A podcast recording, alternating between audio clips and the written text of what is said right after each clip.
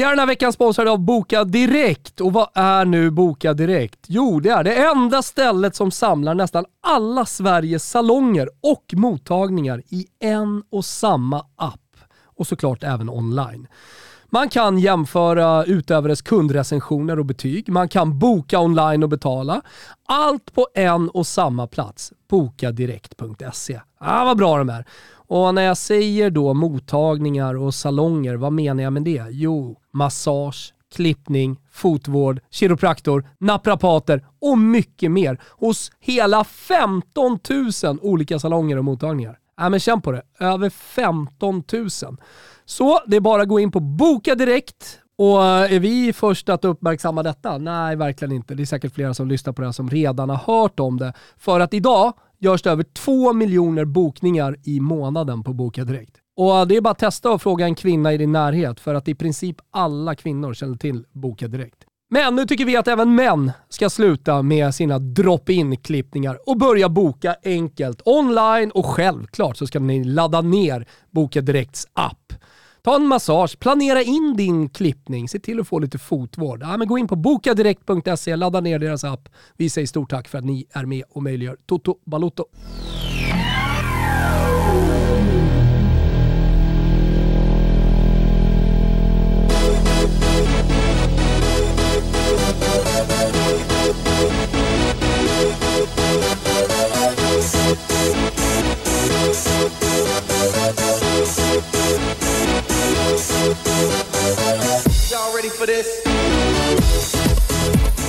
Känn er varmt välkomna till Toto Balotto. Det är måndag den 4 april 2022. Den svenska tävlingssäsongen är igång vad gäller ligaspelet och det är bråda dagar ute i ligaspurterna i Europa. Thomas Wilbacher sitter mitt emot mig och eh, mår eh, hur då? Ah, men, eh, mår ganska bra. Fiorentina-seger i helgen, viktig sådan mot tuffa Empoli. Alltid extra tufft i, tufft i de här regionsderbyna och senast så torskade vi surt också borta mot Empoli. Så vi hänger med i någon slags eh, Europa-race där. Så supporten i mig är lite glad eh, för Fiorentina. Och sen så har vi då den allsvenska premiären som, eh, som supporterhjärtat kanske gråter lite för, men det var det. Eh, jag tänker, eftersom jag eh, har skrivit eh, kanske årets längsta svep hittills, att ja, men det var mycket fotboll vi bara ska börja med det så att vi har det gjort. Ja. Och så kan vi ta upp alla bitar därifrån. Jag är skeptisk. Ja. Ja. Men vi kör! Yes yes, dags för svep Gugge, som alltid i stolt samarbete med Heineken 00. Alkoholfri. Jag vet vad ni tänker och det gör ni rätt i. Champions League, både herrar och damer. Europa League, dam-EM i sommar. Heineken 00 alkoholfri sponsorskap i fotbollen täcker onekligen det största och det vackraste. Men kanske framförallt det Heineken 00 är, ja det är ju en jäkligt god alkoholfri bärs. Och är det något budskap som man vill skicka i vårtiden så är det ju sannerligen det. Det är bara att knäppa upp en rackare va, luta sig tillbaka. Cheers to all fans! Kimpa, visslan. Helgen så många av oss väntat på var så äntligen här. Allsvensk premiär, kulan i luften, vårluft i lungorna och efter sju jävligt svåra år nytt hopp om livet. Och förväntningarna infriades för alla de grönvita som i klipp i steget marscherade Skanstullsbron söderut och som just i lördags mådde bra. För efter ett av de värsta tifon jag sett på svensk mark där jag fnulat på hur den där jävla kanoten rörde sig framåt över megaflaggan så kastade sig Bayern över Helsingborg. När ettan kom efter dryga kvarten så trodde jag att tvåan skulle komma så småningom eftersom bollen var i och runt HIFs straffområde mest hela tiden. Men de rödblå repade mod, jobbade sig in i matchen och den avgjordes inte förrän på tilläggstid när Viljot Svedberg stängde butiken med 2-0. Siffran putsades till 2-1, men låt oss vara ärliga. Bayern vann klart rättvist och när Sifuentes-ramsan dundrade på högsta decibel efteråt, då kände i alla fall jag att drömmen om guld fick liv och konturer på större delarna av Södermalm.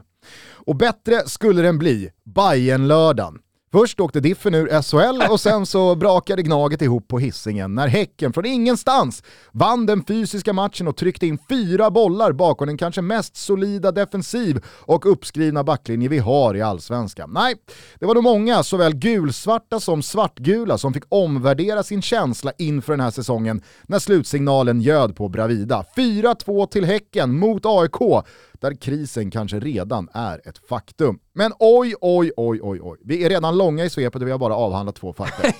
Från den allsvenska premiärsöndagen noterar vi att Joel Alme sjöng in en premiärseger för Blåvitt mot Värnamo. Det kanske inte var speciellt vackert, men när klassgubbar som Simon Tern och Marcus Berg finns på plan så räcker det med att de blixtrar till någon gång här och någon gång där för att målen ska avgöra tillställningarna. Varberg chockade Peking och lämnade parken, nej, Östgöt, nej, Platinum Cars Arena med tre pinnar efter 0-1. Sirius vände underläge mot Giffarna till hemmaseger 2-1. Krille Kouakou öppnade målkontot direkt och Oskar Linnér stod för en magstark insats i den mixade zonen efter nykomlingarnas premiärförlust. Mm. Vi avslutar på Guldfågeln där Henke Rydströms Kalmar fick 1-0 tveksamt bortdömt för offside och istället så kunde Malmö, tunga Malmö, dra åt skruvarna och muttrarna i andra halvlek och till slut trycka in avgörandet via Isak Kiese Thelin. Med det sagt så konstaterar vi också att Superettan puttrat igång i total mediaskugga, att Akropolis skämde ut sig själva på nya nivåer och att den allsvenska premiären fortsätter ikväll måndag då Elfsborg, Mjällby och Diffen Degen avslutar den första omgången. Nu är den i luften, kulan! Och på tal om kulan, Dejan Kulusevski fortsätter att briljera i ett spör som öser in mål för dagen. Det blev fem nya igår när Newcastle manglades och drömmen om Champions League lever i allra högsta grad för de liljevita. Liverpool och City tog båda två planenliga segrar mot varsitt bottengäng, Everton förlorade igen och Manchester United övertygade inte på något sätt när ett ganska skadedrabbat Leicester lämnade Old Trafford med en poäng. Brentford stod för säsongens bästa halvlek när underläge 1-0 vändes till seger 4-1 på Stamford Bridge mot självaste Chelsea. Retroaktiv utdelning och revansch från höstens sura hemmamöte. Från eh, Spanien noterar vi att serieledande Real Madrid bara skulle få vinna borta mot Celta Vigo. Tre straffar tilldömdes marängerna och det blev till slut en för mycket för att de ljusblå skulle kunna stå emot. Och nu är det 12 pinnar ner till övriga lag eftersom Barcelona igår slog Sevilla och passerade dem i tabellen upp på andra plats. Siffrorna skrevs till 1-0 på Camp Nou. Sevilla stod upp bra, men Osmane Dembélé och inte minst Pedri gjorde till slut skillnaden lagen emellan. Vilken högsta nivå det är på de gubbarna, herre jävlar. Atleti piskade på Alaves, Levante tog sista chansen mot nytt kontrakt och Real Betis lyckades trots manfall ta en tung seger mot Osasuna i sin jakt på Europaspel även nästa säsong. Leipzig imponerade oerhört på mig när de slog Dortmund på bortaplan med 4-1. PSG var på spelhumör igår kväll när Lorient fick agera statister i 90 minuter och Marseille vände och vann en galen hatmatch mot Sante igen. Men Helgens match den spelades i Italien. Spezia tog nämligen en blytung... Nej jag skojar, det bara... Vilken jävla Derby d'Italia det blev. Herregud, det small, det var känslor, det var allt på spel och det var en fight som jag kommer bära med mig lång tid framöver. Domare Irati hade att stå i så att säga. Juventus blev kvar på scudetto-perrongen och Inter lyckades i elfte timmen få tag i den säsong som höll på att glida dem ur händerna. Åh fy fan vad jag älskar det här! Åh vad jag älskar bollen! Galna jävla bollen. Game on i Serie A-toppen. Nej men sannerligen game on och det är ju bara att instämma där i en eh, toppmatch eh, i Italien eh, inför fullsatta läktare igen. Eh, så, så blir det inte så jävla mycket bättre i fotbolls-Europa, tycker jag. Mm. de är fantastiska de där matcherna och det finns ju någonting i allt det sluga som bor i de italienska spelarna i den här extrema eh, viljan att vinna precis varje duell och i slutändan matchen. Som jag Sen inte tycker man hittar någon, Ja men det, det, måste det ju göra eftersom eh, italienarna spelar de här matcherna på liv och död. Då, då, då blir det ju så. Det, det är sällan i andra ligor man ser liksom de känslorna ute på planen. Utan det är ju verkligen så här läktaren eh, rätt ner, rätt in i spelarna. Och eh, jag vet att eh, Erik Niva har som bio på eh, Twitter att eh, det största felet folk eh, liksom har om fotbollen det är att det handlar om att, vi, att det i slutändan handlar om att vinna. Mm. Eh, det, det, det, är ju det största felet han har, utan fotboll handlar ju bara om att vinna i slutändan. För när du börjar förlora då blir supportrarna arga. Oavsett de, alltså de mest, de mest passionerade de eh, mest hårt ansatta supporterna av till exempel då en eh, misskött ekonomi eller en eh, ja, men degradering som liksom ligger i dem så, så handlar allting om i slutändan att vinna och det, det blir aldrig tydligare än i Italien. Det är väl ett uttryck med många bottnar det så, där. Klart jag fattar det men, men jag, jag, jag vill ändå åt det här, den här, den här nästan sjuka eh, det här sjuka drivet att vinna fotbollsmatcher liksom, som finns i, till, i Italien. Och det, det, där man tar till alla medel. Ja. Det spelar liksom ingen roll om man har hela världens blickar på sig. För jag menar, så här, italienska kvällsmatcherna har ju verkligen hela världens blickar på sig eftersom det är utan konkurrens de nästan. Hur hanterade de det? Jo, genom att skaka fram en mycket märklig version av Imagine inför den här avsparken. Och visst, alltså så här, budskapet, tanken i sig är ju såklart jättefint med tanke på kriget som rasar i Ukraina och så vidare. Ja men det är ju hyperitalienskt även det. men jag fattar ingenting. Nej men det, det är ju för att du är liksom kreddig stockholmare.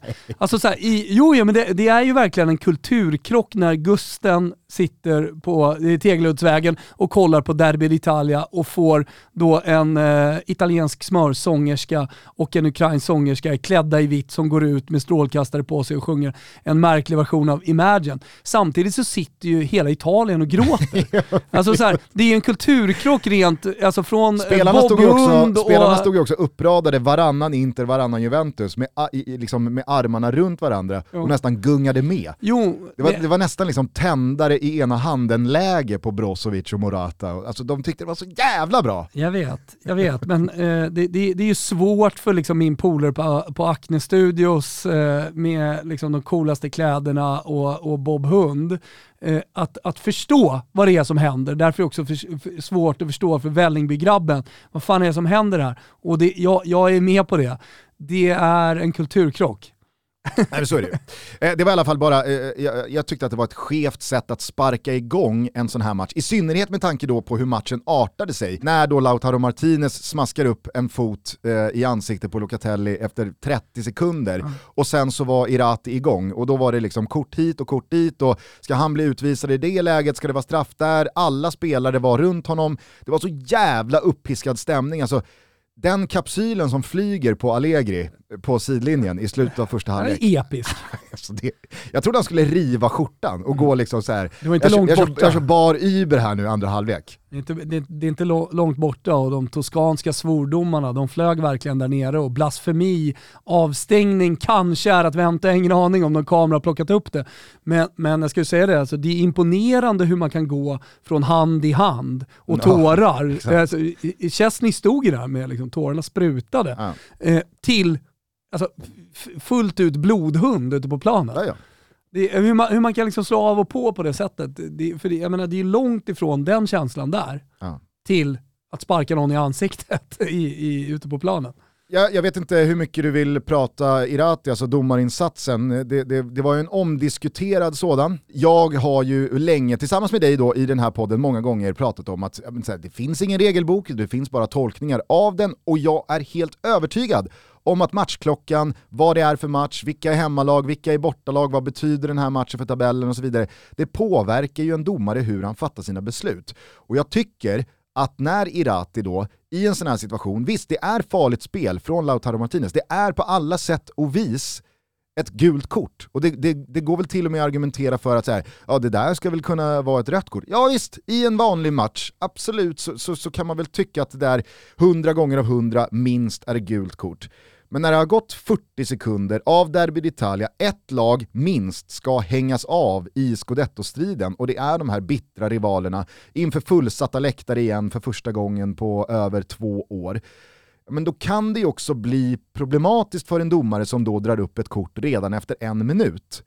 För då har han ju lagt ribban för korten på en nivå där man inte, alltså det är svårt att hämta hem det ja. efter det. Och då blir det ju såklart att Chiellini börjar ju efter en kvart göra sitt för att få Lautaro Martinez utvisad. Ganska mycket. Och, och Interspelarna, ja men de måste ju då göra sitt för att kompensera upp då för att Locatelli ska åka ut där och någon annan ska bli varnad där. Och, ja men... men det fanns ju någonting så otroligt fint också i det att Locatelli spelade liksom i stort sett hela matchen med ett bandage som hela bara... Hela matchen, alltså ja, tills han kliver av ja. Ja, ja exakt. Han spelade jo, en hela liksom. sin match. Ja. Eh, och den åker bara längre och längre ja. ner. Sådär. Han har ju länge liknats vid eh, den gamla prison break-karaktären Haywire. Igår var han ju mer lik Haywire än någonsin ja. när han hade liksom eh, band bandageringen och de spräckta ögonbryn och så vidare. Det jag menar är bara att jag tror att om Irati i det där läget suger tag i Lautaro Martinez och på skarpen säger det där är gult kort. Det, det hade ju Pierluigi Collina Du, du fattar att det där är gult kort va? Men jag kommer inte göra det där, men, men, alltså, jag kommer inte varna dig det här nu, men nu är det du som liksom håller dig på rätt sida för att då visa Juventus-spelarna att så här, det har bara gått 45 sekunder och han är redan, så han, han kommer bli varnad. Ta det lugnt grabbar! Ja. Och man ger det till inte-spelarna att så här, inte ett jävla ljud här eller protester från er.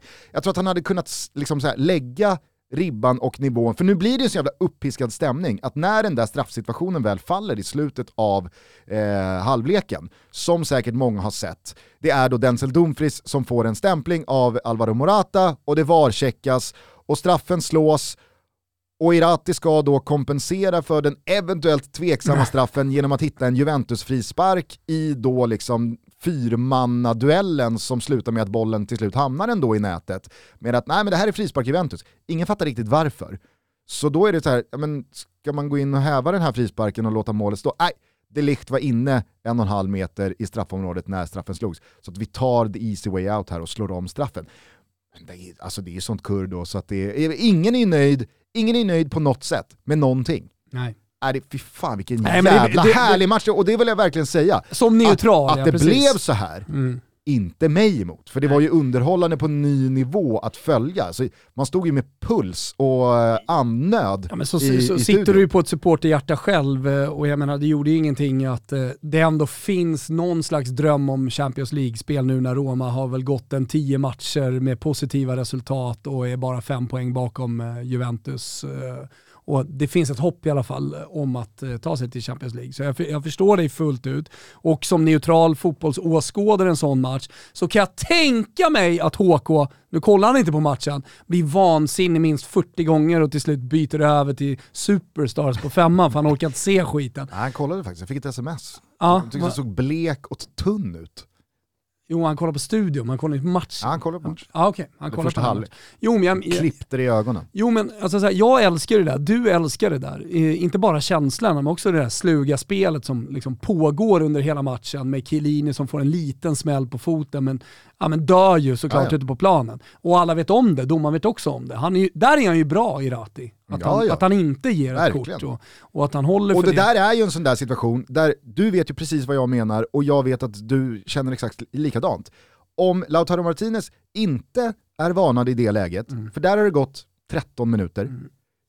så är det den mest solklara varningen som finns. Men nu är han varnad och då tvingas ju Irati då visa ut ja, honom efter 13 minuter. Lite grann, så jag, därför absolut. kan han inte, han kan inte dra upp det gula kortet där. Nej. Och sen det, det har vi, så det funkar sen, med, med domares liksom, psykologiska spel i sådana här absolut. matcher. Men sen, sen, sen, blir ju matchbilden eh, som den blir efter att inte göra 1-0. Alltså Juventus trycker ju på och borde ju rimligtvis ha fått in en boll, precis som uh, Ola Fantomen är inne på. Alltså, allting talade ju för, alltså, om man spelar om den här matchen så vinner eller kryssar Juventus uh, de flesta. Absolut. Uh, Men innan du summerar helheten, var, du för, var du lika förvånad som jag att VAR och Irati inte går in och ger straffen ja, till Juventus ja. efter 7-8 minuter där Ja, jag är jätteförvånad, men, men som neutral så kan man ju se på det lite nyktert också. Och, och jag kan ju tycka att eh, liksom, en spelare som är på väg bort ut ur straffområdet som faller på linjen. Eh, jag tänkte att man hamnade i en omvänd situation där man brukar prata om var börjar situationen och hur är nu regeln egentligen? Är det där den slutar eller där den börjar? Och hur funkar det om man är på väg ut ett straffområde kontra om man är på väg in ett straffområde, så började jag tänka ja, Du tänker fall. att den blir reversed? Ja, alltså, man brukar ju prata om att den här förseelsen påbörjas utanför straffområdet men håller på hela vägen in i straffområdet, därför är det straff. Det är väl det som är typ regeln. Så, så är det. Ja, men det är en tröjdragning eller eh, ja, om det för är... det hörde jag inte er prata om i studion efter. Nej, men det är väl för Nej, att... men vad då? Ja, nej visst, det, det, det är väl en... Det det är väl en... superrimligt liksom, antagande här att det borde funka på samma sätt när man är på väg ut ur straffområdet. Så då skulle man teoretiskt sett kunna slita tag i en spelares tröja, dra honom ut ur ja. straffområdet, släppa tröjan ja. utanför linjen och så ja. ska det bara bli frispark. Exakt. Hej! Jag tror inte att... Men då ska det... du funka så in, ska du funka så ut? In-ut-regeln, är ja. du med? Ja, Den kan du ju. Ja, jag tycker i alla fall, och jag tycker att vi visade det i studion efteråt, eh, att eh, det, det är en fot på linjen som får en smäll som helt korrekt ska generera i en avblåsning. Och jag kan tycka att med den straffen som då eh, Juventus har fått med emot sig... Med det laget på hemmaplan. Exakt. Ja. Vi, alltså, point taker, jag håller ja. med. Jag, ty jag, tycker att Juventus verkligen skulle ha den där straffen. Eh, men eh, hej, det... Det, det, den här matchen går också till historien och det blir ammunition att använda till nästa derby d'Italia vad det gäller domare. Jo men är ni då i den matchen och den situationen? Men och så pågår det in i oändligheten. Furbo hit och slughet dit och det är vackert med känslor man gör allt för att vinna. Det säger jag inte emot, men vad känner du när du ser Delicht ligga och vrida sig i gräset där? När att han har lärt sig något. Jag vet. Han men, är fullt men, ut men, italiano. Men känner man inte också lite liksom så här sekundär skam. Och man, man, man, jo, men... man skäms lite å hans vägnar varje gång man ser, alltså, och, och, jag menar det, det, där har ju ingenting med delikt att göra, eller nej, Det där är ju inte delikt, kom, delikt är ju ja, gubben som går men, fram på eh, Amsterdam Arena, Johan Cruyff Arena med, med supporterna och sjunger och sen går ut och, och kastar sitt hjärta på planen och blöder för sin, för sin klubb och som skiter i en smäll hit eller dit. Alltså det, det här är ju den, den, eh, det, det, ultimata tecknet och beviset på att transformationen är gjord. Ja. Från den gubben till Chiellini. Han såg är nya när, Chiellini. Såg du när Vlahovic gick ner på uh, samma sätt när D'Ambrosio bara liksom vinkar med, med hand? Jo, fast det var ändå liksom så här. det där var Juventus Vlahovic jag såg inte den där spelaren lika fullt ut i Fiorentino. Det pratade, nej, vi, om, liksom här, det pratade vi om efter hans debut redan. Nej, nej. Alltså hans utveckling det tog, från, det från valp minuter. till eh, liksom, eh, jo, fullt eh, ut Jove ja. och da Jove, för att vara da Jove ska man vara där också i, i sina yviga gester och sånt. Det han lärde sig i Fiorentina, det var att ta för sig. Det, det han har lärt sig i Juventus nu, det är att bli en vinnare på precis alla sätt. Jag skulle bara säga och, det och, att... Och som, som Machiavelli en gång eh, skrev, målet helgar medlen. Så är det. Ja. Absolut, och, jag, jag ville bara dra en, en uh, referens tillbaka till, det var ganska många år sedan i Allsvenskan, Andreas Johansson. Mm. Alltså en av de mest, av alla uppburna spelare när det kommer till att man är en reko sportsmanship-gubbe som alltid är liksom, så att här, han är ju en vinnarskalle av Guds nåde, såklart. Men han har ju också en, en bild av sig att eh, vara väldigt liksom, rättvis, fair play, eh, och, och, vi kan göra mycket så länge spelet är igång, men utanför plan, ja, men då, då, då sträcker vi fram händerna här och skakar tass och, och eh, håller det eh, ren, renhårigt. Men du kommer ihåg då, det är väl Bangura som också gör en sån här som Dambrosa gjorde igår, bara liksom viftar med handen som att här, här passa mig. Och det utnyttjar Andreas Johansson då till att bakom honom få en liten, liten touch, om det är på hakan eller kinden eller vad det är, och bara ramla bakåt och ligga och vrida sig och kvida sig. Alltså, där känner man att det där kommer Ante Johansson efter matchen själv känna, vad fan höll jag på med? Alltså det där är inte jag. Jag, jag, jag får nästan gå ut och be om ursäkt här. Det var lite den känslan med Delict igår, att, men, VAR finns ju. Tror han att det där ska mm. leda till en straff? Och, när det inte kommer göra det, hur känner man sig som spelare? Jag frågade Henok om det här i studion också då sa väl han att nej, men i stridens hetta, när det där sker, du är villig att göra precis allting för att maximera marginalerna till din fördel och till ditt lags fördel. Att det överväger det eventuellt liksom skämmiga eller pinsamma i det att man faktiskt tummar på det där. För du är någonstans programmerad att gå den där extra milen hur smutsigt det än ser ut. Så att, mm. herregud, det, det, det, är väl så det funkar. Det var i alla fall ett fantastiskt derby d'Italia. Inter som jag var inne på i svepet, de tar ju tre blytunga poäng här och återstartar efter landslagsuppehållet med en seger som tar dem tillbaka in i den här scudetto-striden. För även fast de har den där hängmatchen så såg jag inte framför mig hur de med tanke på att det inte är ett lag framför dem utan två lag i Milan och Napoli, att ett poängtapp igår hade nog betytt att det blir, för, det blir nog för tufft att hämta det här mot båda de här lagen. Mm. Nu så står ju Juventus kvar på scudetto-perrongen, men Inter känns ju så jävla moralstärkta eh, efter det här. Ja, men precis på samma sätt att de inte behövde den där förlusten som eh, e-, egentligen skapade den lilla krisen som de var inne i och att de tappade eh, serieledningen. Precis på samma sätt så behövde de den här segern. Den, jag, jag, tror att de kommer, som du säger, otroligt stärkta in i de här matcherna som man bara ska vinna. Där man har dåligt självförtroende, där man inte lyckades sätta chanserna. Eh, och då spelar det ingen roll att det såg dåligt ut, för att det ska vi också komma ihåg. Det såg såg dåligt ut rent spelmässigt och de var nedtryckta också på grund av att de ledde med 1-0. De, de tillät ju sig själva att stå lågt. De, de, de ville ju lida sig till den här segern eh, på Juventus Stadium. Eh, och, och kanske då försöka kontra in en boll via Dzeko eller Lautaro Martinez. Eh, sådär. Så länge, menar, det är länge sedan Dzeko ja, kontrade det, in en boll. Ja, men han hade ett litet försök där eh, och så gick han högre och Delict var med. Men, eh, nej, men jag tycker ofta man glömmer bort det när man pratar om matchbilder. Ja, men Juventus var ju helt överlägsna och eh, Inter är fortfarande ingenting och så vidare. De tillät att det skulle vara så. Ja, alltså när de, när de red ut första kvarten, mm. absolut. Men första kvarten så är ju Juventus all over the place. Ja, de är all over. Och jag, jag, jag förstår faktiskt inte hur Handanovic lyckas hålla nollan. Han har sån jävla han flax där. Alltså. Ja, när, när, han skickar ut bollen rakt ut och träffar en interspelare i Skriniar typ som står. Och den går inte tillbaka utan det är bara ren slump att den fortsätter ut på mittplan. Kommer du ihåg när Juventus åkte ut mot Porto i Champions League förra oh ja. säsongen?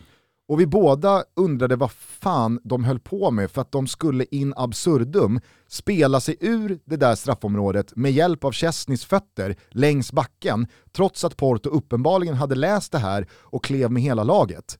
Jag, alltså, jag, jag, jag förstår fortfarande inte varför tränare uppenbarligen då tvingar sitt lag att Oavsett vad, till vilket pris som helst så ska vi spela oss ur det här straffområdet Speciellt längs när backen när du har en målvakt som uppenbarligen inte är bekväm med det här. Dessutom så har du ju en, eh, en av Italiens i alla fall bästa felvända anfallare som är expert på att ta en frispark mot en mittback. Ja. Så skickar den på Dzeko så vinner han i alla fall fyra av tio av de duellerna mot Chiellini och eh, de Ligt. Och när jag säger vinner så menar jag att han vinner en frispark eller liksom får tag i bollen högre upp så att Inter får andas lite. Ja, och jag menar det är väl en sak om Inter i det där läget leder med tre bollar och man då liksom vägrar tumma på sina principer i anfallsuppbyggnad. Mm. Men när det står och väger i en uddamålsledning borta mot Juventus, vad kan vara värt att liksom riska det för att man till vilket pris som helst med Handanovic fötter ska spela sig mm. igenom 3, 4, 5 pressande Juventus-spelare som man vet att om de vinner bollen här, då är det kvitterat. Mm. Eh, då, då, då tappar vi minst två poäng i den här matchen. Jag fattar inte alltså. Men Handanovic agerande i, i första halvlek där när han boxar den rakt upp och, och den studsar upp i ribba, ja, ja du vet. Uh. Det är så, eh, från Italien, vi ska alldeles strax gå vidare, eh, så vill jag bara gå en kort... Eh... Till Mourinho? Tio raka utan förlust. Tung seger borta jag mot. Jag sa ju det, det räcker väl. Hörde du honom på presskonferensen? Ja, han det sa det. Hade det varit en annan tränare så hade man pratat om det vackra spelet och det propositiva med Roma och, och det, det är liksom härligt flödande som är fotbollen som Roma spelar just nu. Ja. Men på grund av att det är jag så väljer man att inte göra det kort bara, du såg kanske expected points-siffrorna som dök upp här eh, när man summerade Serie A-säsongen hittills. Att Roma då, enligt de underliggande siffrorna, skulle ha haft, och, och, och herregud, alltså så här, ni som är militant emot expected goals och hela den delen av De finns i vår lyssnarskara. Det är väl klart att de finns i vår lyssnarskara och jag har full respekt för det. Men jag tror att väldigt många måste förstå att när man pratar om expected points så kan man separera det från verkligheten och det som faktiskt blev. Det är det numera en satt faktor inom fotbollen, det är någonting man kan prata om utan att det är någon absolut sanning. Och det, är, det är ingen, det som är problemet. Absolut, är liksom... och, det, och, det, är ingen som firar en expected goals, expected points Det finns nyanser även i detta. Absolut, det det är är ju snarare då bara en mer nyanserad bild av prestationen hittills över 30 matcher. Och när det kommer till 30 matcher, då är ju de här siffrorna oftast väldigt talande för prestationerna i sig. Det kommer någonstans jämna ut sig över tid. Det finns bottar som tjänar pengar borta på Betsson. Och när det sticker ut så här mycket som i Romas fall, att man har kunnat se på Romas underliggande siffror att de har fått med sig betydligt färre poäng än vad de har tagit hittills, ja då är det ju heller inte jätteförvånande att poängen nu börjar rulla in i stridare ström. För att prestationerna har över tid vittnat och talat om att ja, men det här är en prestation som över tid kommer generera fler poäng än man har gjort hittills. Mm. Och det är bara det man liksom, det, det, det, är det man vill få ut av expected points. Sen är det precis vad det är. Det är ingen verklighet, det är inget argument för att jo men vi vann i alla fall expected points. Nej, det är ingenting Nej. mer än så. Nej. Men eh, när då de här siffrorna kom och eh, Mourinho då har fått vatten på sin kvarn, att vi gör väldigt många rätt, så efter den här matchen, eller det var inför den här matchen, så var det någon eh, journalist som hade i någon eh, radioshow, jag vet inte, såg du det här? Han hade då eh, dissat Mourinho och Roma jävligt hårt och sen så dök han upp då på den fysiska presskonferensen. Eh, och då ställde han bara en fråga om eh, hur Mourinho tänker med treback kontra fyrback. Och då hade ju Mourinho givetvis hört honom i den här radioshowen och slaktade honom fullständigt när han då liksom sa då att jag förväntade mig betydligt tuffare frågor från dig, för jag hörde dig i radion igår. Och då var det, då var det annat ljud i skällan, då satt du där och var så jävla kritisk och Fint var så jävla aggressiv och, och, var så jävla styv i korken gentemot eh, oss och mig och hur jag väljer att bedriva min fotboll. Men nu när du sitter här framför mig, då skiter du ner dig och alltså det var så jävla fint. Och han är, på i fråga? han är på krigsstigen igen nu. Nej, men jag, gjorde, jag ska ärligt erkänna att jag gjorde lite samma sak. Jag var med i Radio Sportiva, en av de största radiostationerna i uh, Italien, uh, efter att Sverige hade åkt ur. Mm. Och körde ju samma såg. Okay. Eh, men uh, visste ju att den kommer inte nå Kakembo. den kommer inte nå Janne i slutändan. Så här kan, jag, här kan jag trycka på lite. Ah, okay. ja. Jag fattar. Gjorde italienarna glada såklart. Ja. Då hoppas vi att Janne lyssnar in sig lagom till, till, till, till, Nations League-återstarten. du Thomas, jag har dig i Radio Sportiva. Och nu skiter du ner dig när ja, du sitter här. Ja exakt. Det ja, Exakt. Han kan ta sin jävla korv. ja. Nej, eh, vi går vidare. Du, det jag skulle säga var i alla fall, jag skulle avsluta Italien ja. med, med eh, det underskattade i ljud. Man pratar om i-ljud i branschen, alltså ja. det ljudet som kommer från eh, arenan. Och det, det, är så jävla mycket HD-kameror och spider som flyger över hela arenan och nya bilder och sånt där. Men det finns ju ingenting som ljud som tar en till arenan så mycket. Nej. Och eh, satt och kollade på Salernitana mot Torino på, på fredagskvällen. Och skulle bara säga det, fan det är underskattat. Finsmakar match. Ja verkligen. Vi det var väl ändå lördagskvällen, men... Eh... Ja var det lördagskvällen? Ja, ja, ja, men var packat som vanligt. Men eh, det, det, det, det fin alltså jag vill skicka en passning till er på Simor och alla andra egentligen. Att eh, så här, börja tänka lite mer på ljuden. För eh, det började hagla. Först regna satan rätt på micken och då, då hade väl förmodligen alla då seriösa tv-team sett till att det inte gick in. Men, men när man satt där med eh, Sonos surroundsystem och det bara liksom haglade på alla mickar på hela planen, fast inte ett paraply som liksom skyddade den. Ja, och, och, och samtidigt så hörde man då Salernitana-klacken bara liksom pumpa med så dova italienska ramser genom hela matchen. Alltså jag, jag, var på plats. Jag var på Areki-stadion där nere och det var fantastiskt vackert. Ja, underbart. Mm. Eh, måste bara också lyfta på hatten för eh, Napoli som åker och slår eh, Atalanta igår på bortaplan utan Osimhen eh, i det pressade läge som de är. struligt, vet du. han kommer ju sent från någon Nigeria-samling och eh, supportarna, eh, framförallt spelarna, spelargruppen har ju då reagerat. Ja. Vad fan pysslar du med gubben? Inte igen. De jävla sena ankomsterna från, från landslagen, från sydamerikanska spelare framförallt kanske, men också afrikanska spelare. Ständigt alltså. Ja. Nej, jag, jag aldrig ordning på det där. Nej, och jag får heller aldrig ordning på om Spallettis Napoli har ett jävla pannben av stål eller om det är av mjukglass. För jag tycker att det är liksom upp och ner mest hela tiden. Borta ja, mot Lazio, borta mot Atta Ja, fast hemma mot Milan när man då hade ja. liksom väldigt mycket i händerna att sätta sig bakom ratten i det här scudetto-racet var det någonting som jag tyckte utmärkte sig i den Napoli-insatsen så var det ju karaktären och attityden och känslan av att man faktiskt vek ner sig. Mm. Eller? Ja, ja absolut. Och, och, Milan leder ju där inbördes och de hamnar på samma poäng. Och jo men och att man också, då studsar tillbaka borta mot ett så pass slagkraftigt lag som ändå Atalanta på mm. bortaplan och gör en sån här håll käften-insats rent karaktärsmässigt. Men inte det som är Spalletti och alltid varit Spalletti, att det går upp och ner. Inte, jag får inte bara ordning på Nej, det. det, jag... det. Du får inte ordning på Spalletti för det ser alltid ut så med honom. Får inte ordning på någonting. Honom. Nej, kanske, nej, det får du fan inte heller. Men du, vidare från Italien här nu. Ja, absolut. Eh, påminner dock alla som hör det här att ikväll måndag då, 20.45 så är det avspark på San Siro mellan Zlatans Milan och Mattias Svanbergs Bologna. Mm. Eh, det kan bli en ruskigt fin fight det också. Zlatan målas ju upp som scudetto-joker här i eh, rödsvart och det är speciella omständigheter i Bologna i och med att då Sinisa Mihailovic har fått eh, ett, eh, vad heter det när det kommer till cancer, inte återfall utan han har fått ett bakslag. Bakslag eller, låter också för så här, hamstring gick ja, på men, för tidigt. Utan... Ja, han lider ju av eh, någon slags blodcancer. Och det, det... Prognosen i hans leukemi har blivit dyster igen. Ja, men eh, han är ju så jävla härligt liksom, eh, Balkanaktig hur han pratar om det här. Att, äh, men ja, jag kommer vinna det här. Alltså, ge mig bara ett par månader så är jag tillbaka igen och så ställer sig hela Bologna bakom på ett väldigt, väldigt vackert sätt. Men jag ska säga det om matchen ikväll så förväntas i alla fall Zlatan Ibrahimovic eh, inte starta. Nej. Eh, utan eh, Joker Zlatan, han sitter på bänken redo att hoppa in. Eh, däremot Svanberg då från start. Så eh, rolig match att följa för alla svenskar. Zlatan kommer definitivt komma in i den här matchen. Och ni ser ju som ni vet all fotboll från Serie A, ni ser all fotboll från La Liga och ni ser all fotboll från Champions Leagues kvartsfinaler som drar igång imorgon tisdag på Simor. Där är det dessutom premiär i dagarna för Dag för dag, regi av Felix Herngren, Sven Wolters sista film.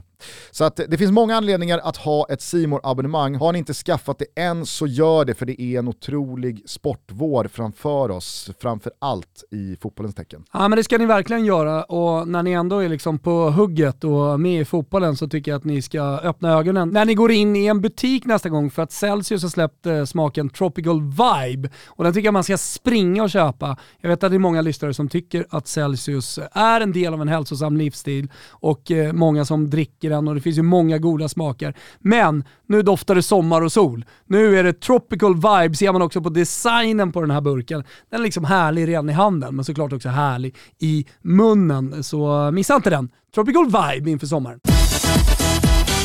Vi har denna vecka återigen med oss Frilansfinans som gör det möjligt att fakturera utan eget bolag. Glöm all administration, glöm momsbetalning Glöm momsinbetalningar. Glöm mankemanget som det är att driva ett eget bolag. För det är ju så att ta steget och våga starta eget, det innebär en ah, väldigt, väldigt stor utmaning. Och därför tvekar många. Det känns för riskabelt. Och vad är det egentligen som säger att vardagen blir roligare om man startar eget? Egentligen. Frilansfinans gör det möjligt att fakturera utan eget företag. Det är liksom grundbulten här. Och en sak som jag tycker är viktig, i allt det här, alltså som har drivit eget bolag och gjort på, på olika sätt, det är att man ofta som egenföretagare hamnar i ett, eh, ja, men ganska, en ganska stor gyttja i att hålla på med all administration. Och eh, jag gick ofta omkring med ganska stor ångest också över momsinbetalningar, ligga sent, ofta fick man påminnelser och kände liksom att jag vill ju lägga tiden på att driva Toto Balotto och göra det bättre. Inte sitta med den här ångesten och eh, ja, men all den tid och all den energi som eh, det faktiskt tar att eh, driva ett eget bolag. Hos Frilans Finans är det väldigt enkelt att vara egenanställd och man är dessutom försäkrad. Alltså behöver man inte oroa sig över att vara otrygg på jobbet eller om man gör ett extra gig. Och så får man, lyssna nu, Lön skattad och klar av Frilansfinans inom fem dagar. Frilansfinans är lite som eh, Benzema va? Man behöver inte oroa sig när han är ute på planen. Det löser sig liksom. Precis så ska du känna för Frilansfinans i ditt frilansande. Läs mer på frilansfinans.se och testa det här. Det är riktigt, riktigt bra. Vi säger stort tack för att ni är med och möjliggör Toto Balotto. Vi är sponsrade av Max Burgers. Jajamensan. Jag var där igår och åt deras otroligt goda kampanjburgare. Det är ju så att de har fyra kampanjburgare per år som finns på menyn under begränsad tid och nu så är det alltså Pepper Jack and Chili som gästar. Det är som jag tycker, just nu Sveriges godaste burgare. Och det passar ju bra, för att eh, Max har ju Sveriges godaste burgare. Sen så är det ju tycke och smak vilken man väljer. Men prova Sveriges godaste burgare just nu. Och ni som undrar vad är det på då? Jo men det är jättegod pepper jack-ost. Det är massor av picklad chili. Och det finns som alltid på Max eh, vegetariska alternativ. Eh, väljer man nötkött, ja men då vet man, då är det alltid svenskt och av högsta möjliga kvalitet. Pepper Jack and Chili heter alltså kampanjburgaren som just nu finns på Max. Som alltid klimatkompenserat till 110%. Och glöm heller inte bort att man kan beställa Pepper Jack and Chili i Max-appen. Och där kan man också välja när man vill att den ska vara klar för upphämtning. Och man kan också välja om man vill ha bordservering, eller ta med sig maten eller få den levererad i bilen. Ja, men ni hör ju. Hur bra som helst. Vi säger stort tack till Max eh, för att ni gör så goda hamburgare såklart och mycket annat gott. Men för att ni också är med och möjliggör Toto Balotto. Med det sagt så tar vi oss till den allsvenska helgen, en allsvensk premiäromgång som alltså fortsätter ikväll, men som startade på Södermalm i lördags när eh, tusentals och åter tusentals Hammarby-supportrar marscherade till Tele2 för att eh, sjunga in en seger mot Helsingborg. Om vi bara börjar i det där tifot, alltså för er som inte har sett det, snälla se det. Eh, för alla er som har sett det så tror jag att ni känner som mig, att det, det var fan otroligt. Och jag fnulade, det, det, det var nästan som att så här, försöka dechiffrera ett trolleritrick. Och där är man ju inte tillräckligt skarp för att liksom fatta hur den där itusågade kvinnan egentligen är itusågad. Man, man kommer ju aldrig liksom fatta det.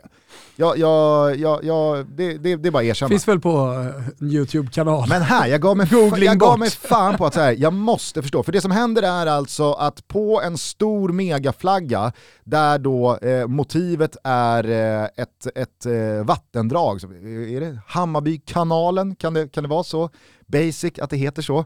Eh, och så Årsta är det då kanalen. Årstakanalen. Årsta sjön tror jag till och med är den rätta benämningen. Ja. Hur som, eh, det är i alla fall en kanot, eller en ro, eh, alltså, det är väl en kanot, eller vad heter det? Mm. Alltså, för att man, eh, man gör ju då en historisk passning då till eh, roddföreningen som 1889, jag kommer inte ge mig in i den där årsdiskussionen. Nej, det behöver vi inte göra. Det som i alla Lämna fall ville då markeras var att det här roddgänget i alla fall satt i kanoten. Och den här kanoten börjar då i ena änden av den här megaflaggan, men under tifot så ros den här jävla kanoten över megaflaggan till andra sidan. Och parallellt med det här så hissas det upp en främre då, eh, jag vet inte, alltså vad är, vad är eh, namnet för, ett, alltså för den delen av en hissning? Alltså upphissning? Ja, det är ju inte en megaflagga. Spelar, spelar det jätteroll? Nej, jag vet inte, jag vill bara ut ja, efter ja, liksom så här samlingsnamnet. Jag tror, flesta sett det. Men, det här ja. var ju en typ av tifo som eh, slog igenom eh, i Polen väldigt mycket för, kan det vara tio år sedan? Legia Warszawa har ju gjort det här tifot. Och det var, Borussia Dortmund har haft det väldigt mycket på, på västfallen. Och sen så har ju allsvenska klubbar varit jävligt eh, duktiga på att göra det här också. AIK hade ju ett med den här grabben med Många kommer säkert ihåg AIKs eh, tifo precis och sen hissningen av eh, Kim Källström där med handen blev ju episk eh, på alltså, många olika sätt. Och jag vidhåller fortfarande att hur sjuk den där handen än ser ut så ser den så sjuk ut på den faktiska bilden som den eh, var avmålad från. Jo, jo. Det, det, så är det bara. Ja, ja. Det, det, det, det är trist. Måla av, eller så, eh, jag tänker inte ge mig in i den diskussionen. Eh, jag kommer i alla fall ihåg att du sa att det var det fetaste tifot du hade sett eh, live någonsin, när det hände. Typ. Du uttryckte det liknande i alla fall. Ja, men, på Twitter. Ja, så kanske det var. Och min polare Jimbo, han uttryckte sig så. han var ju på plats då, han är ja. bajare och gör sam, Bajen Samba-podden och, och, och Jag tror inte den heter Bajen Samba, jag tror att den har bytt namn till Det svänger om Bajen. Ja, exakt. De har bytt... Shoutout till det. Ja, shoutout till Det svänger om Bajen. Jimpa Rånäs, Gvano Soprano och ja. Pöler. Jajamensan. Eh, han, han skrev det, att det var, ja. det, det, var liksom det fetaste. Och, ja. och jag protesterade och sa nu är det låg jävla ribba på det fetaste. Och sen så såg jag då från början, så kanot, jag hade missat kanotrörelsen ja. i tv-sändningen. Eh, kanske på grund av tv-bilderna såklart, att de inte alltid låg på tifot. Jag och superproducent John Witt från Discovery följde den här eh, premiärsändningen hemma hos mig och vi båda liksom utbrast när då spelarna kliver in, just idag är jag stark, eh, rullar. Båda bara liksom pekar mot skärmen. Den rör sig! Kanotjäveln ja, rör sig! Det. Hur, Jim... hur rör sig kanotjäveln på en flagga? Vad är det, det här som ska, händer? Det jag ska säga är i alla fall att jag reviderade mitt betyg dagen efter när jag hade sett det i sin helhet och förstod det verkligen. Eh, och, och, och, säg inte att det är fel, jag var inte på plats. Tifon ska upplevas på, på plats, inte från en tv-ruta och eh, det är svårt att vara neutral i de här sammanhangen. Men jag reviderade och sa att det var fett och det var sjukt att den rörde sig. Ja, och eh alltså, rent generellt så är väl du och jag båda två suckers för tifon som växer steg för steg. Mm. Och där det finns dels en jävla planering bakom det, och det är liksom en svårighet i sig. Men när man dessutom kan vara innovativ på det här sättet, ja men då är det ju ett Eh, en geting eller ett plus extra som ska på, absolut. Och det som då sker då, när man då i fronten hissar den här liksom, andra megaflaggan eh, på ett lodrätt håll, på det här roddgänget så rör sig då den här kanoten över megaflaggan. Och jag, tänk, alltså så här, jag har inte fått svar eller facit någonstans, utan jag har bara själv tänkt i mitt huvud. Det måste ju vara så att på något typ av nät eller någonting som på avstånd för oss som tittar på, det går inte att se nätet, men på nätet så sitter kanoten fast. Och så dras nätet över megaflaggan från en sida till en annan. Så det ser ut, alltså det enda vi ser är ju kanoten.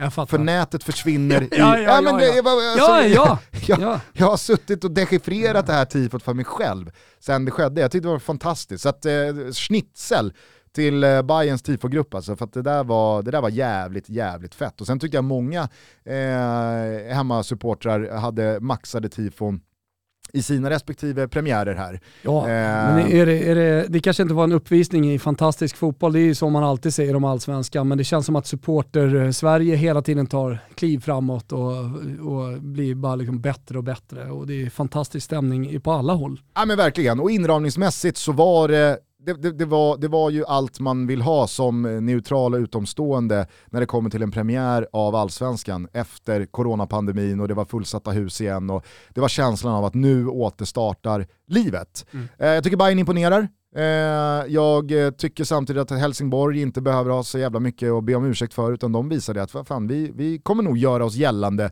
i den här serien. Vet du vad de kan? De kan faktiskt lida.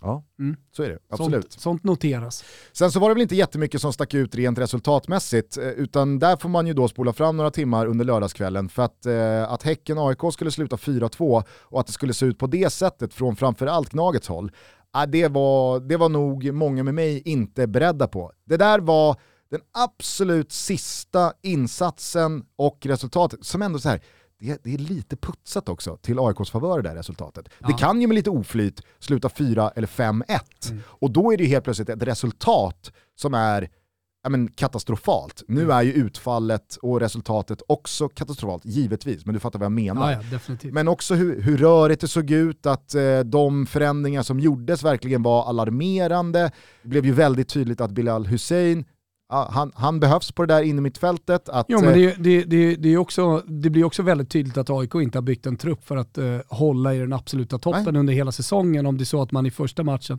saknar en spelare så pass mycket som man gör. Ja, och det, blev Utan, ju... det, alltså, och, och det, det, det, det, vill jag verkligen säga, understryka, att eh, det har varit ett stort fokus på John Guidetti och det fattar man ju också. Och hans vara eller icke vara i den här premiären. Eh, men, men AIKs lagbygge som sådant om man jämför med hur truppen såg ut när, när allsvenskan slutade. Om man kollar på hur konkurrenterna har stärkt sina trupper och så kollar man på vad är det för, vad är det för spelare i AIK eh, idag kontra i eh, oktober-november så är det ju mer eller mindre samma spelare. Man, man har Joe Mendes där som kommer från HTFF som ja, säkert går en lysande framtid till mötes men som inte är där för att vinna ett SM-guld kanske här och nu. Man har värvat från BP eh, och det är ju vad det är. Eh, jätte, jättefin framtid eh, säkerligen också, men man har ju inte värvat så mycket för att stärka det laget eh, som visserligen höll sig i toppen förra året, men för att hänga med eh, direktkonkurrenterna. Ja, Vilket jag tycker är så här, jag, jag, jag, förstår ju de som tycker, tycker att sport, den sportsliga ledningen har gjort det bra genom att liksom skeppa en del tunga kontrakt. Men då måste man ju också addera spelare som faktiskt gör truppen stark, starkare. Och jag tror att många blir liksom lite förblindade i det eh, och, eh, och helt enkelt missade de icke-värvningarna som har gjorts från AIKs sida. I alla fall så jag ser på det. Det är ett, un, det är ett underkänt fönster från AIKs sida. Absolut, men den underströks ju också av insatsen som sådan och i sig med de svaren som gavs, eller mm. kanske framförallt de svaren som inte gavs. För att man kan ju förlora en match och man kan ställa sig frågan till hur är den här truppen egentligen byggd. Men jo men insatsen... det kommer ju se bättre ut för AIK, de kommer aj, vinna absolut. fotbollsmatcher, de kommer vara tunga igen. Men, men jag, ty jag, tycker att de kommer i alla fall ifrån ganska mycket kritik eh, ja, un under, under det här fönstret. Det är jättebra att liksom göra sig av med, med eh, eh han finnen och eh, du, du, vet. Eh, ja, det är både Ylätupa och Rogic och jo, spelare som har Jag vet, men Rogic och... är också en spelare som har en viss typ av mentalitet som AIK behöver. Mm. Och, eh, så att jag menar så här, eh, tränare, sportslig ledning och så här, de har ju sett till en omgång givetvis, ska ju sägas. Men, men eh, jag kollar också på bänken och vad som kan bytas in och vad som kan göras annorlunda till nästa match. Nej, men jag, jag, det är klart de kommer vinna sina fotbollsmatcher, men det är inte ett starkare AIK som går in i den här säsongen jämfört med för, förra året. Nej så är det ju, och man har ju verkligen bekymmer här nu i dels backlinjen för att nu spelade man Lustig som mittback, Sotte satt på bänken. Ja, det är ju också ett misslyckande. Absolut, och ska man då ha in Sotte här nu, ja men då ska Lustig ut till höger, då plockar man Joe Mendes. Hur kommer han då agera när han väl får chansen igen? För att chansen kommer han få igen med, med skadehistoriken liksom, som finns på, på de äldre spelarna i den där backlinjen. Otieno byts ut i halvtid, Bilal var inne på hur, hur, viktig han är för att jag tycker att Ayari bredvid eh, Sebastian Larsson, det blir för tunt. Jag tyckte det också blev väldigt tydligt att så här, ah, men det, det, det, funkar med en av Erik Ring och eh, Zach El Bouzedi. Båda två, ah, men det, det, det, det är för lite som man får ut av, av mm. två sådana spelare. Mm. Eh, så att jag, jag, tror att det var väldigt, väldigt jobbigt eh, att gå och lägga sig för både Henrik Jurelius och Bartosz Jellak och en del av spelarna ja, men i, vara. Ja, men alltså, jag tyckte det, eh, alltså, Sebastian Larsson sa ju typ mellan raderna, det, det var i alla fall den känslan jag fick när jag såg hans intervju efter matchen. Att här, fan körde man på ett år till för? Ja. Vad fan körde jag på ett till år? Nej, det värvats för lite klassspelare för, för att vara mer än absoluta toppen. Det, det är väl ganska uppenbart efter den här matchen. Så och efter man att... se om man med liksom, taktisk smartness och liksom, eh, li, lite eh, Solna-kuk liksom kan ändra på det där. Men, men det är ju där vi är. Och efter att Norrköping då förlorar hemma mot Varberg så är det ju en hög intressant match i då omgång två mellan Gnaget och Peking på Friends Arena där något av lagen kommer stå på noll poäng eller båda lagen kommer stå på en poäng efter två omgångar. Gnaget ska sen till Malmö och möta dem på bortaplan. Alltså det kan, det kan vara en oerhörd vindstyrka i eh, stormen kring AIK redan en och en halv vecka in i den här eh, allsvenska säsongen. Mm. Och det, alltså, jag, jag fattar att det är väldigt många AIK-supportrar som lider av det, men återigen för oss utsnådda, det, det, har ju någonting det, också. Nej, men så, det har jag, jag lider med de 4000 som har tagit sig ner till Häcken och, och som stöttar det här laget i liksom vått och torrt. Det är där det landar för mig. Mm. I övrigt så äh, nämnde jag ju äh, Blåvitts seger mot äh, Värnamo i svepet. var det någonting annat än klassaktionerna det, från Berg Det var ju Tern tungt. som och, stack ut tycker du? Na, nej, alltså, jag, jag, tycker att Värnamo gör en bra match, definitivt. Och det är väl lite så det kommer se ut för IFK Göteborg det här året. Men kan de hitta en stabilitet och en trygghet och, och bara luta sig mot sina spetsspelare och vinna fotbollsmatcher på det, då, då kommer man ganska långt. Givetvis inte hela vägen, men man kommer i alla fall ta kliv från den förra säsongen. Oerhört tung start på den allsvenska säsongen för våra gubbar. Erik Sorga, ja, men han har ju hamnat bakom kycklingen i Stares frysbox. Och Haris Avdio, ja, vad gör han dagen innan premiären? Han drar axeln mm. ur led. Nej, det är axel, vi har varit där förut. Folk pratar om korsband och så vidare. Ingenting mot axel. Nej. Verkligen inte.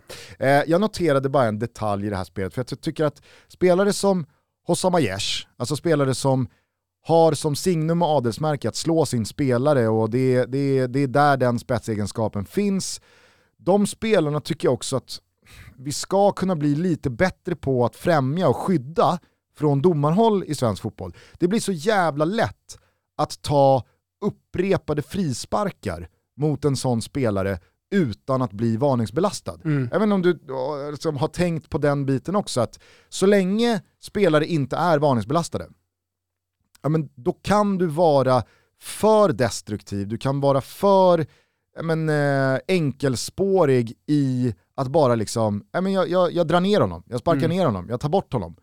Eh, och, och, och, och, det, och det är väl, väl okej okay om man liksom så är lagd åt det hållet att ja, men vi gör det som krävs utan att vi åker ut och vi tar våra poäng och det är så här vi optimerar våra möjligheter. Men det finns ju en större diskussion i det där att men vad vill vi också bygga för fotboll i allsvenskan? Vad ska vi främja? Vad ska vi liksom, eh, vad, ska, vad ska vi någonstans premiera på våra fotbollsplaner? Jag tror att väldigt många tycker det är roligare att betala inträde och sätta sig eller stå på den där läktaren och kolla på spelartyper som Hossam Aiesh som med teknik och briljans och individuell skicklighet slår sin spelare och gör skillnad på det sättet. Alternativt då så kostar det i alla fall en varning när man sänker honom för femte gången. Men när det där gula kortet aldrig dras upp för att förseelsen i sig det är därför det inte är tillräckligt hård, ja, då tycker jag att man har hamnat snett. För det, det, Ja. var, det var så det oerhört det här tydligt att när- Värnamo-spelaren så Det har ju du också gjort, dragit upp fingrar liksom. Det är Ja, tredje exakt. gången domaren. Exakt. Och det är klart att man kan förtjäna ett gult kort och man ska göra Precis. det också. För att annars alltså det blir för destruktivt. Ackumulerade frisparkar som man har dragit på sig ska ju till slut rendera ett gult kort. Och det kan jag tycka att liksom, domare kan bli bättre på, i synnerhet Mm. när det kommer till destruktiva ytterbackar som bara liksom slaktar konstruktiva och kreativa, pigga yttrar. Mm. Jag, jag, jag tycker att eh, man, ska liksom, man ska få med sig någonting mer än bara liksom frisparkar i ytterzon för sjunde gången. Ja, jag är- Upp med skivan då Ja, så att han ja, inte absolut. kan gå in och, och, och liksom, jag menar, han- man måste ju, måste ju få någonting för att han slår sin spelare fem gånger. Verkligen. Eh, jag hade förväntat mig mer av Taha Ali för övrigt. Eh, han är uppåt som, ja, jag vet inte vad, alltså Maradona ute på vänsterkanten. Messi, sa Axén. Ja, han sa det. Ja. eh, ja, och det, är det, jag tror att det är lite farligt för honom när man, när man säger de grejerna. Jag tror, att, jag tror att det kan bli helt destruktivt, att folk får fel bild och en skev bild av, av den spelaren. Jag menar, det är en gammal futsal-lirare som har kommit in och börjat göra grejer på en fo- stor fotbollsplan också. Kommer Sen tycker jag att nu ledde det inte till, alltså så här, men, men samma mönster gick ju där igen. Bayern, Bayern visste ju vad de skulle göra åt honom. Den här Jo, men spelaren... det var ju ofta bommen som räckte. Ja, Alltså, visst, det var kanske- lilla, kanske lilla inte, bommen. Det kanske inte ledde till så mycket, men jag tycker att Ali visade upp... Alltså, så här- Bommen har ju aldrig funkat på Messi. Nej det har den. Nej, det har den sannerligen inte gjort. Men Sprungit den, den, under bommen. Ja, ja, men- ja, han, han, han, nej, jag, jag, jag tycker bara det är farligt när man uppar spelare för, för mycket. Så Axén, skärp dig! Ja, men där, alltså så här, jag, jag, jag, jag, jag tycker ju att Cifuentes och Bayern hade gjort sin läxa där. Den Ja. här spelaren kan vi inte släppa iväg och tro att, vad, vad ska han göra? Han visade ju ett par gånger att där, där finns det, Jo, men de behövde inte heller ta en frispark. Inte om ett par fick- gånger, Ah, par gånger i första halvlek, där jag tyckte Lite de ändå satte nivån och så Ja, blev det okej. något gult kort också. Så att, eh, ja,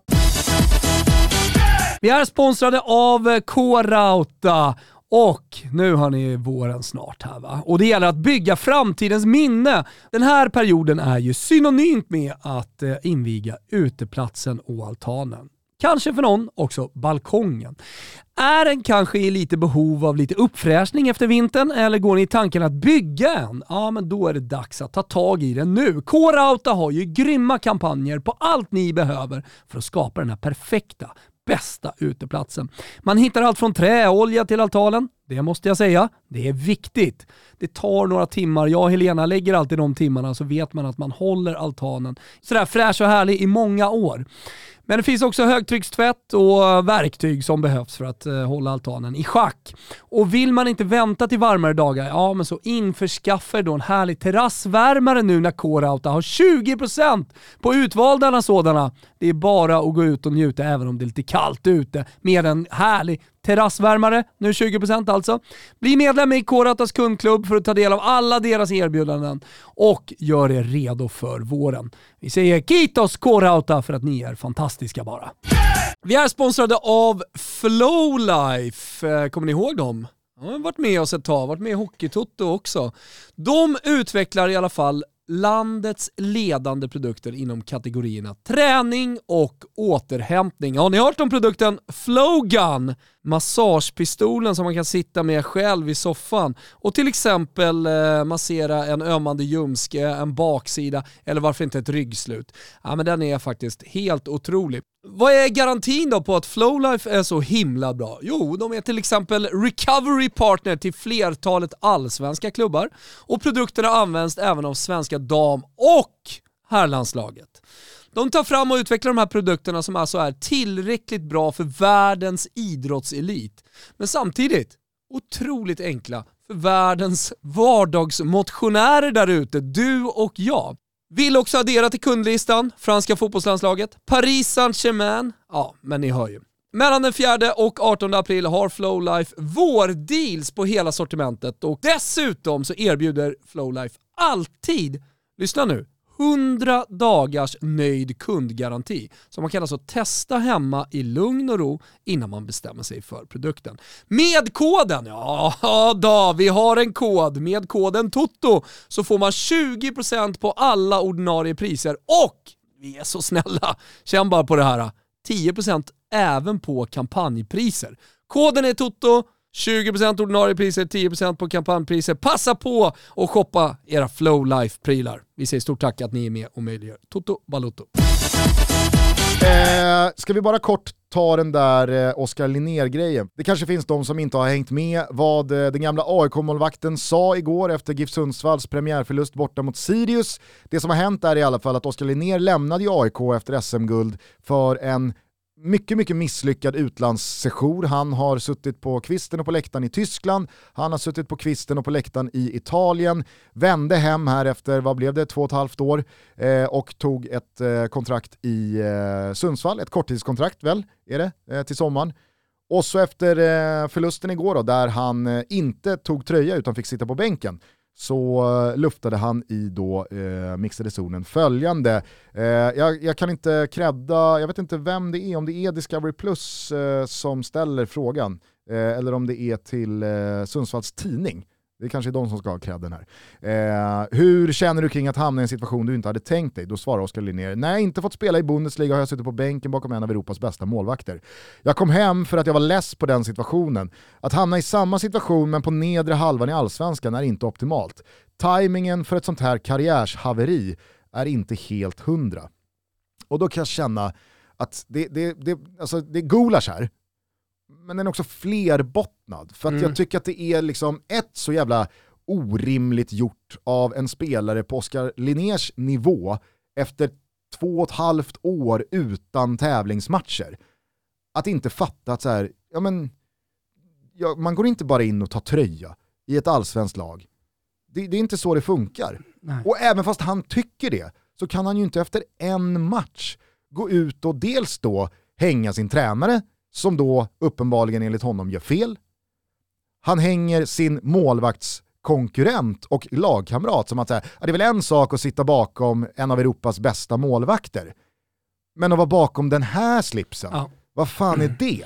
Nej, jag, jag, vet inte, jag kan inte se hur han liksom, kan gå till träningen idag med högt huvud. Det, där, det, men det är också lite av ett vidrigt beteende kan jag tycka. Ja, liksom, i, i, I den här stunden efter en omgång av, av allsvenskan även om man är besviken och även om man, vi ibland kan tycka liksom att fotbollsspelare ska uttrycka det de tänker mer, så är det inte det här vi menar då.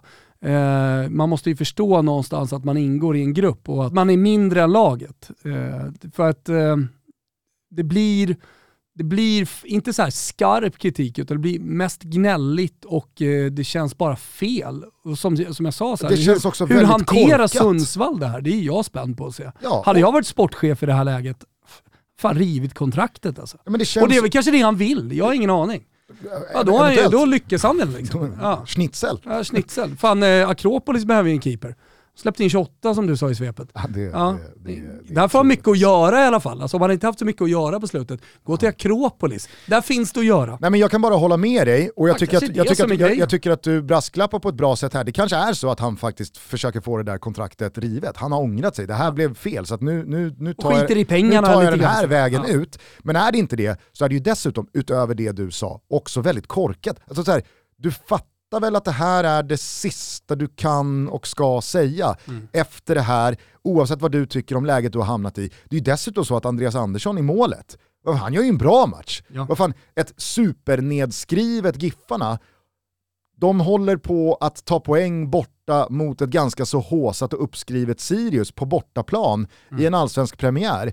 Kouakous mål faller vadå, 85 mm. minuten. Alltså, de torskar inte med 5-0 och Andreas Andersson kastar in fyra men Jag bollarna. tror att Sundsvallssupportrarna har nog eh, ja, men dels en lite bitter känsla att det, inte, att det inte räckte hela vägen, men också en liten stolthet över sitt lag som gör den prestationen. Och att då få den kastad i ansiktet, det, det är inte bara mot sin egen spelargrupp eh, klubben utan också mot supportrarna blir det ju. Ja. Nej, det, det, var, det var väldigt, väldigt häpnadsväckande och ja. eh, bekymmersamt. Se. Det, det, det är som du säger, så här, om, om man vill använda sig av media i det läget för att eh, riva kontraktet kan jag fortfarande tycka att det, det, är lite av ett förkastligt beteende eh, för att få till liksom, en kontraktsrivning. Det var som vi var inne på förut, eh, ändamålet helgar medlen. Mm. Eh, och att han är, är då Machiavelli i det här läget.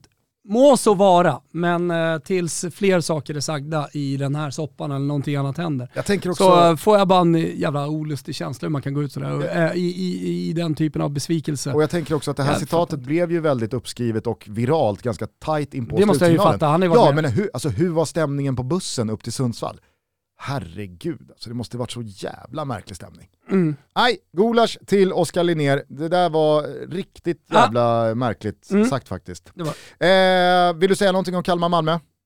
Nej men eh, alltså så här, Kalmar är ju bra. Mm. Jag vet att uh, jag har sagt Fina var Rydström efteråt. Ja. Han bara var besviken på sig själv. Jag hade lovat mig själv, jag skulle inte gnälla på domaren. Nej, men så, och så står jag här Och så ändå. står jag där ändå. Varnad och tillsagd och demonerna inom mig gör att jag Herregud. kan inte hålla mig. Och... Alltså jag, jag om någon förstår honom, alla som har problem med domare efter fotbollsmatcher, eh, du, du är med också Gusten, förstår att eh, ibland måste man bara säga saker mm. oavsett vad man har lovat sig själv innan. Men, liksom, ja, men det är klart Kalmar kommer bli oerhört eh, svårslagna, speciellt på hemmaplan.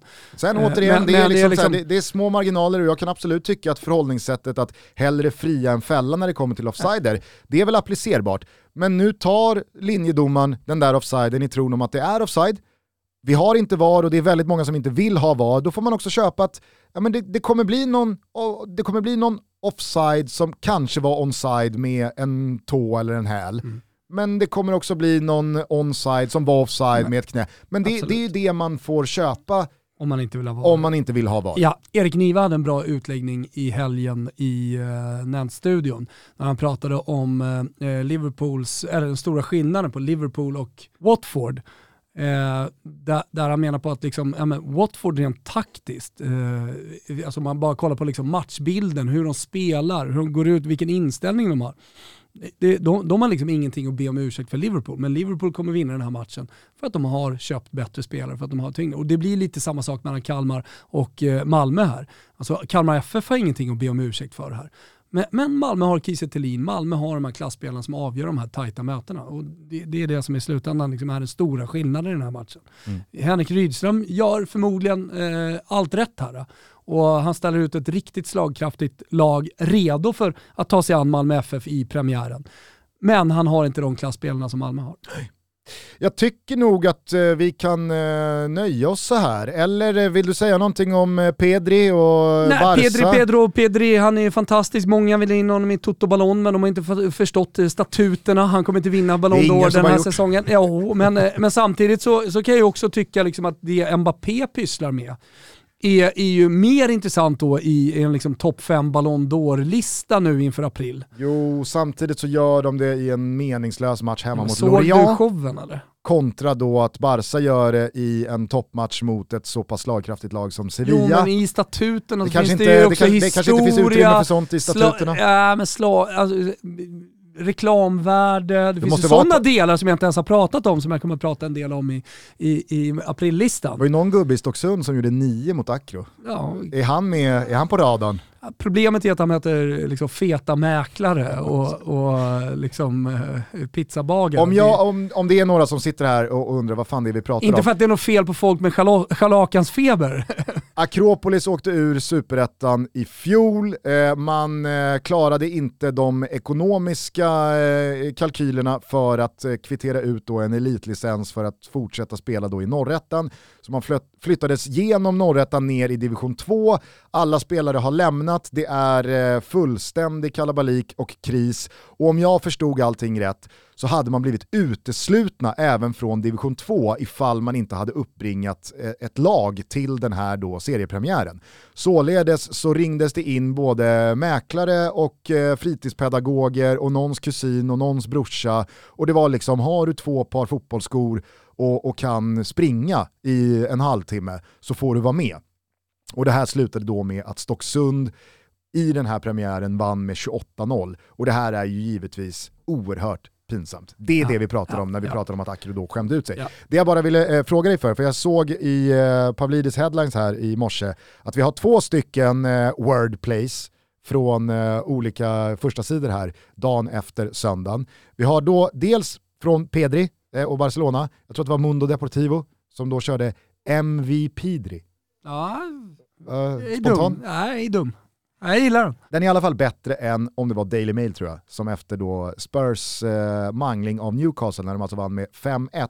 Och Harry Kane i en lite mer droppande roll var spelregissör och trekvartista. Och... Kommer någon Pirlo-referens här? Nej, nej, nej. nej. Haradona. Oh. ja, men det, den är ju så rolig, det är ju när de blir så dåliga som blir roliga som man trivs. Jo, eh, visst man kan ju tycka att den är kul och därför är den bra. Ja. Men man blir ju provocerad. Alltså så här, mycket kan man säga om Harry Kane och mycket kan man absolut konstatera att han kan droppa ur och bli lite mer av en trekvartista, släpande och den som snarare assisterar och ligger bara.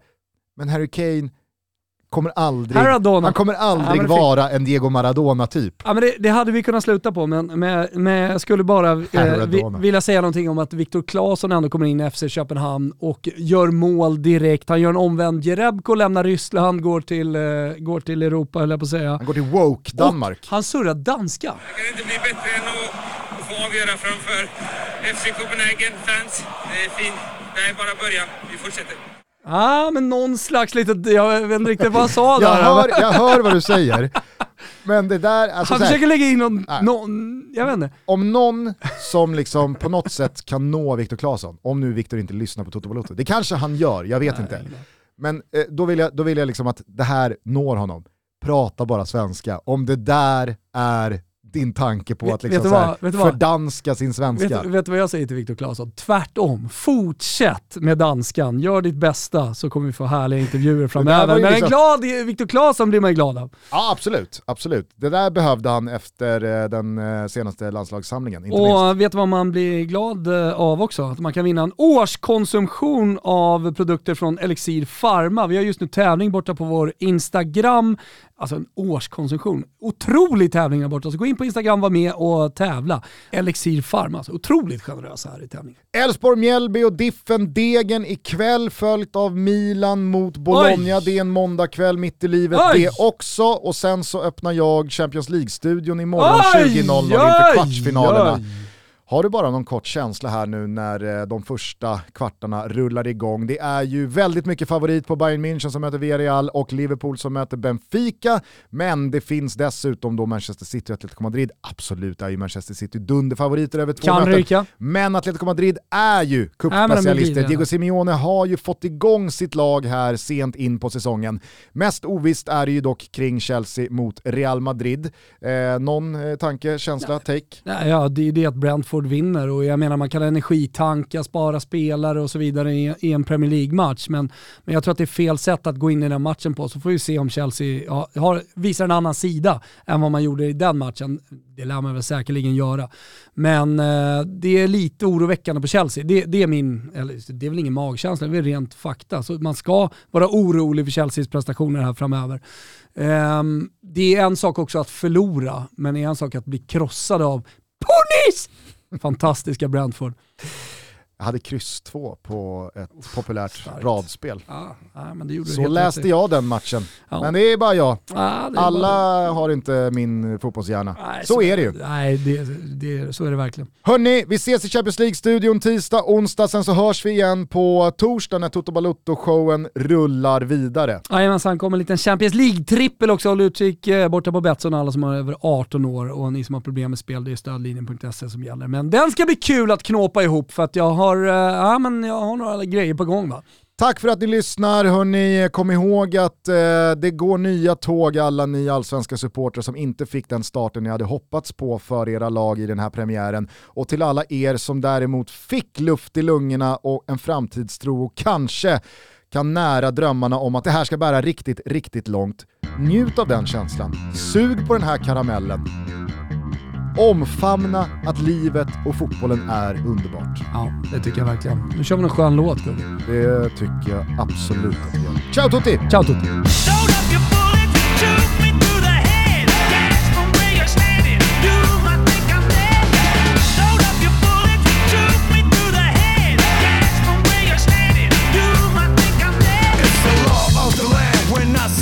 Move by the plan, no time to look back and excuse.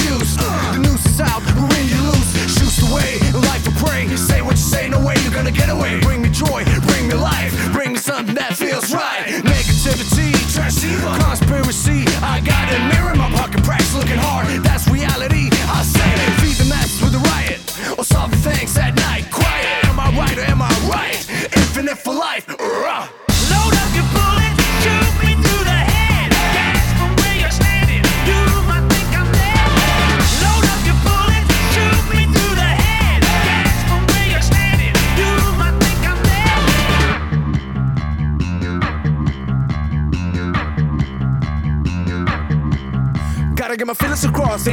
Snake lines, fronts and fakes.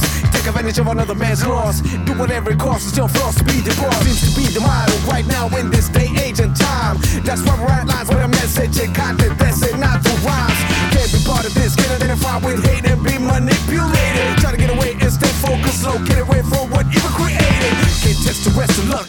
Time to change this motherfucker up. Try to shut me down, see, but not a mass mind that lasts till infinity. Load up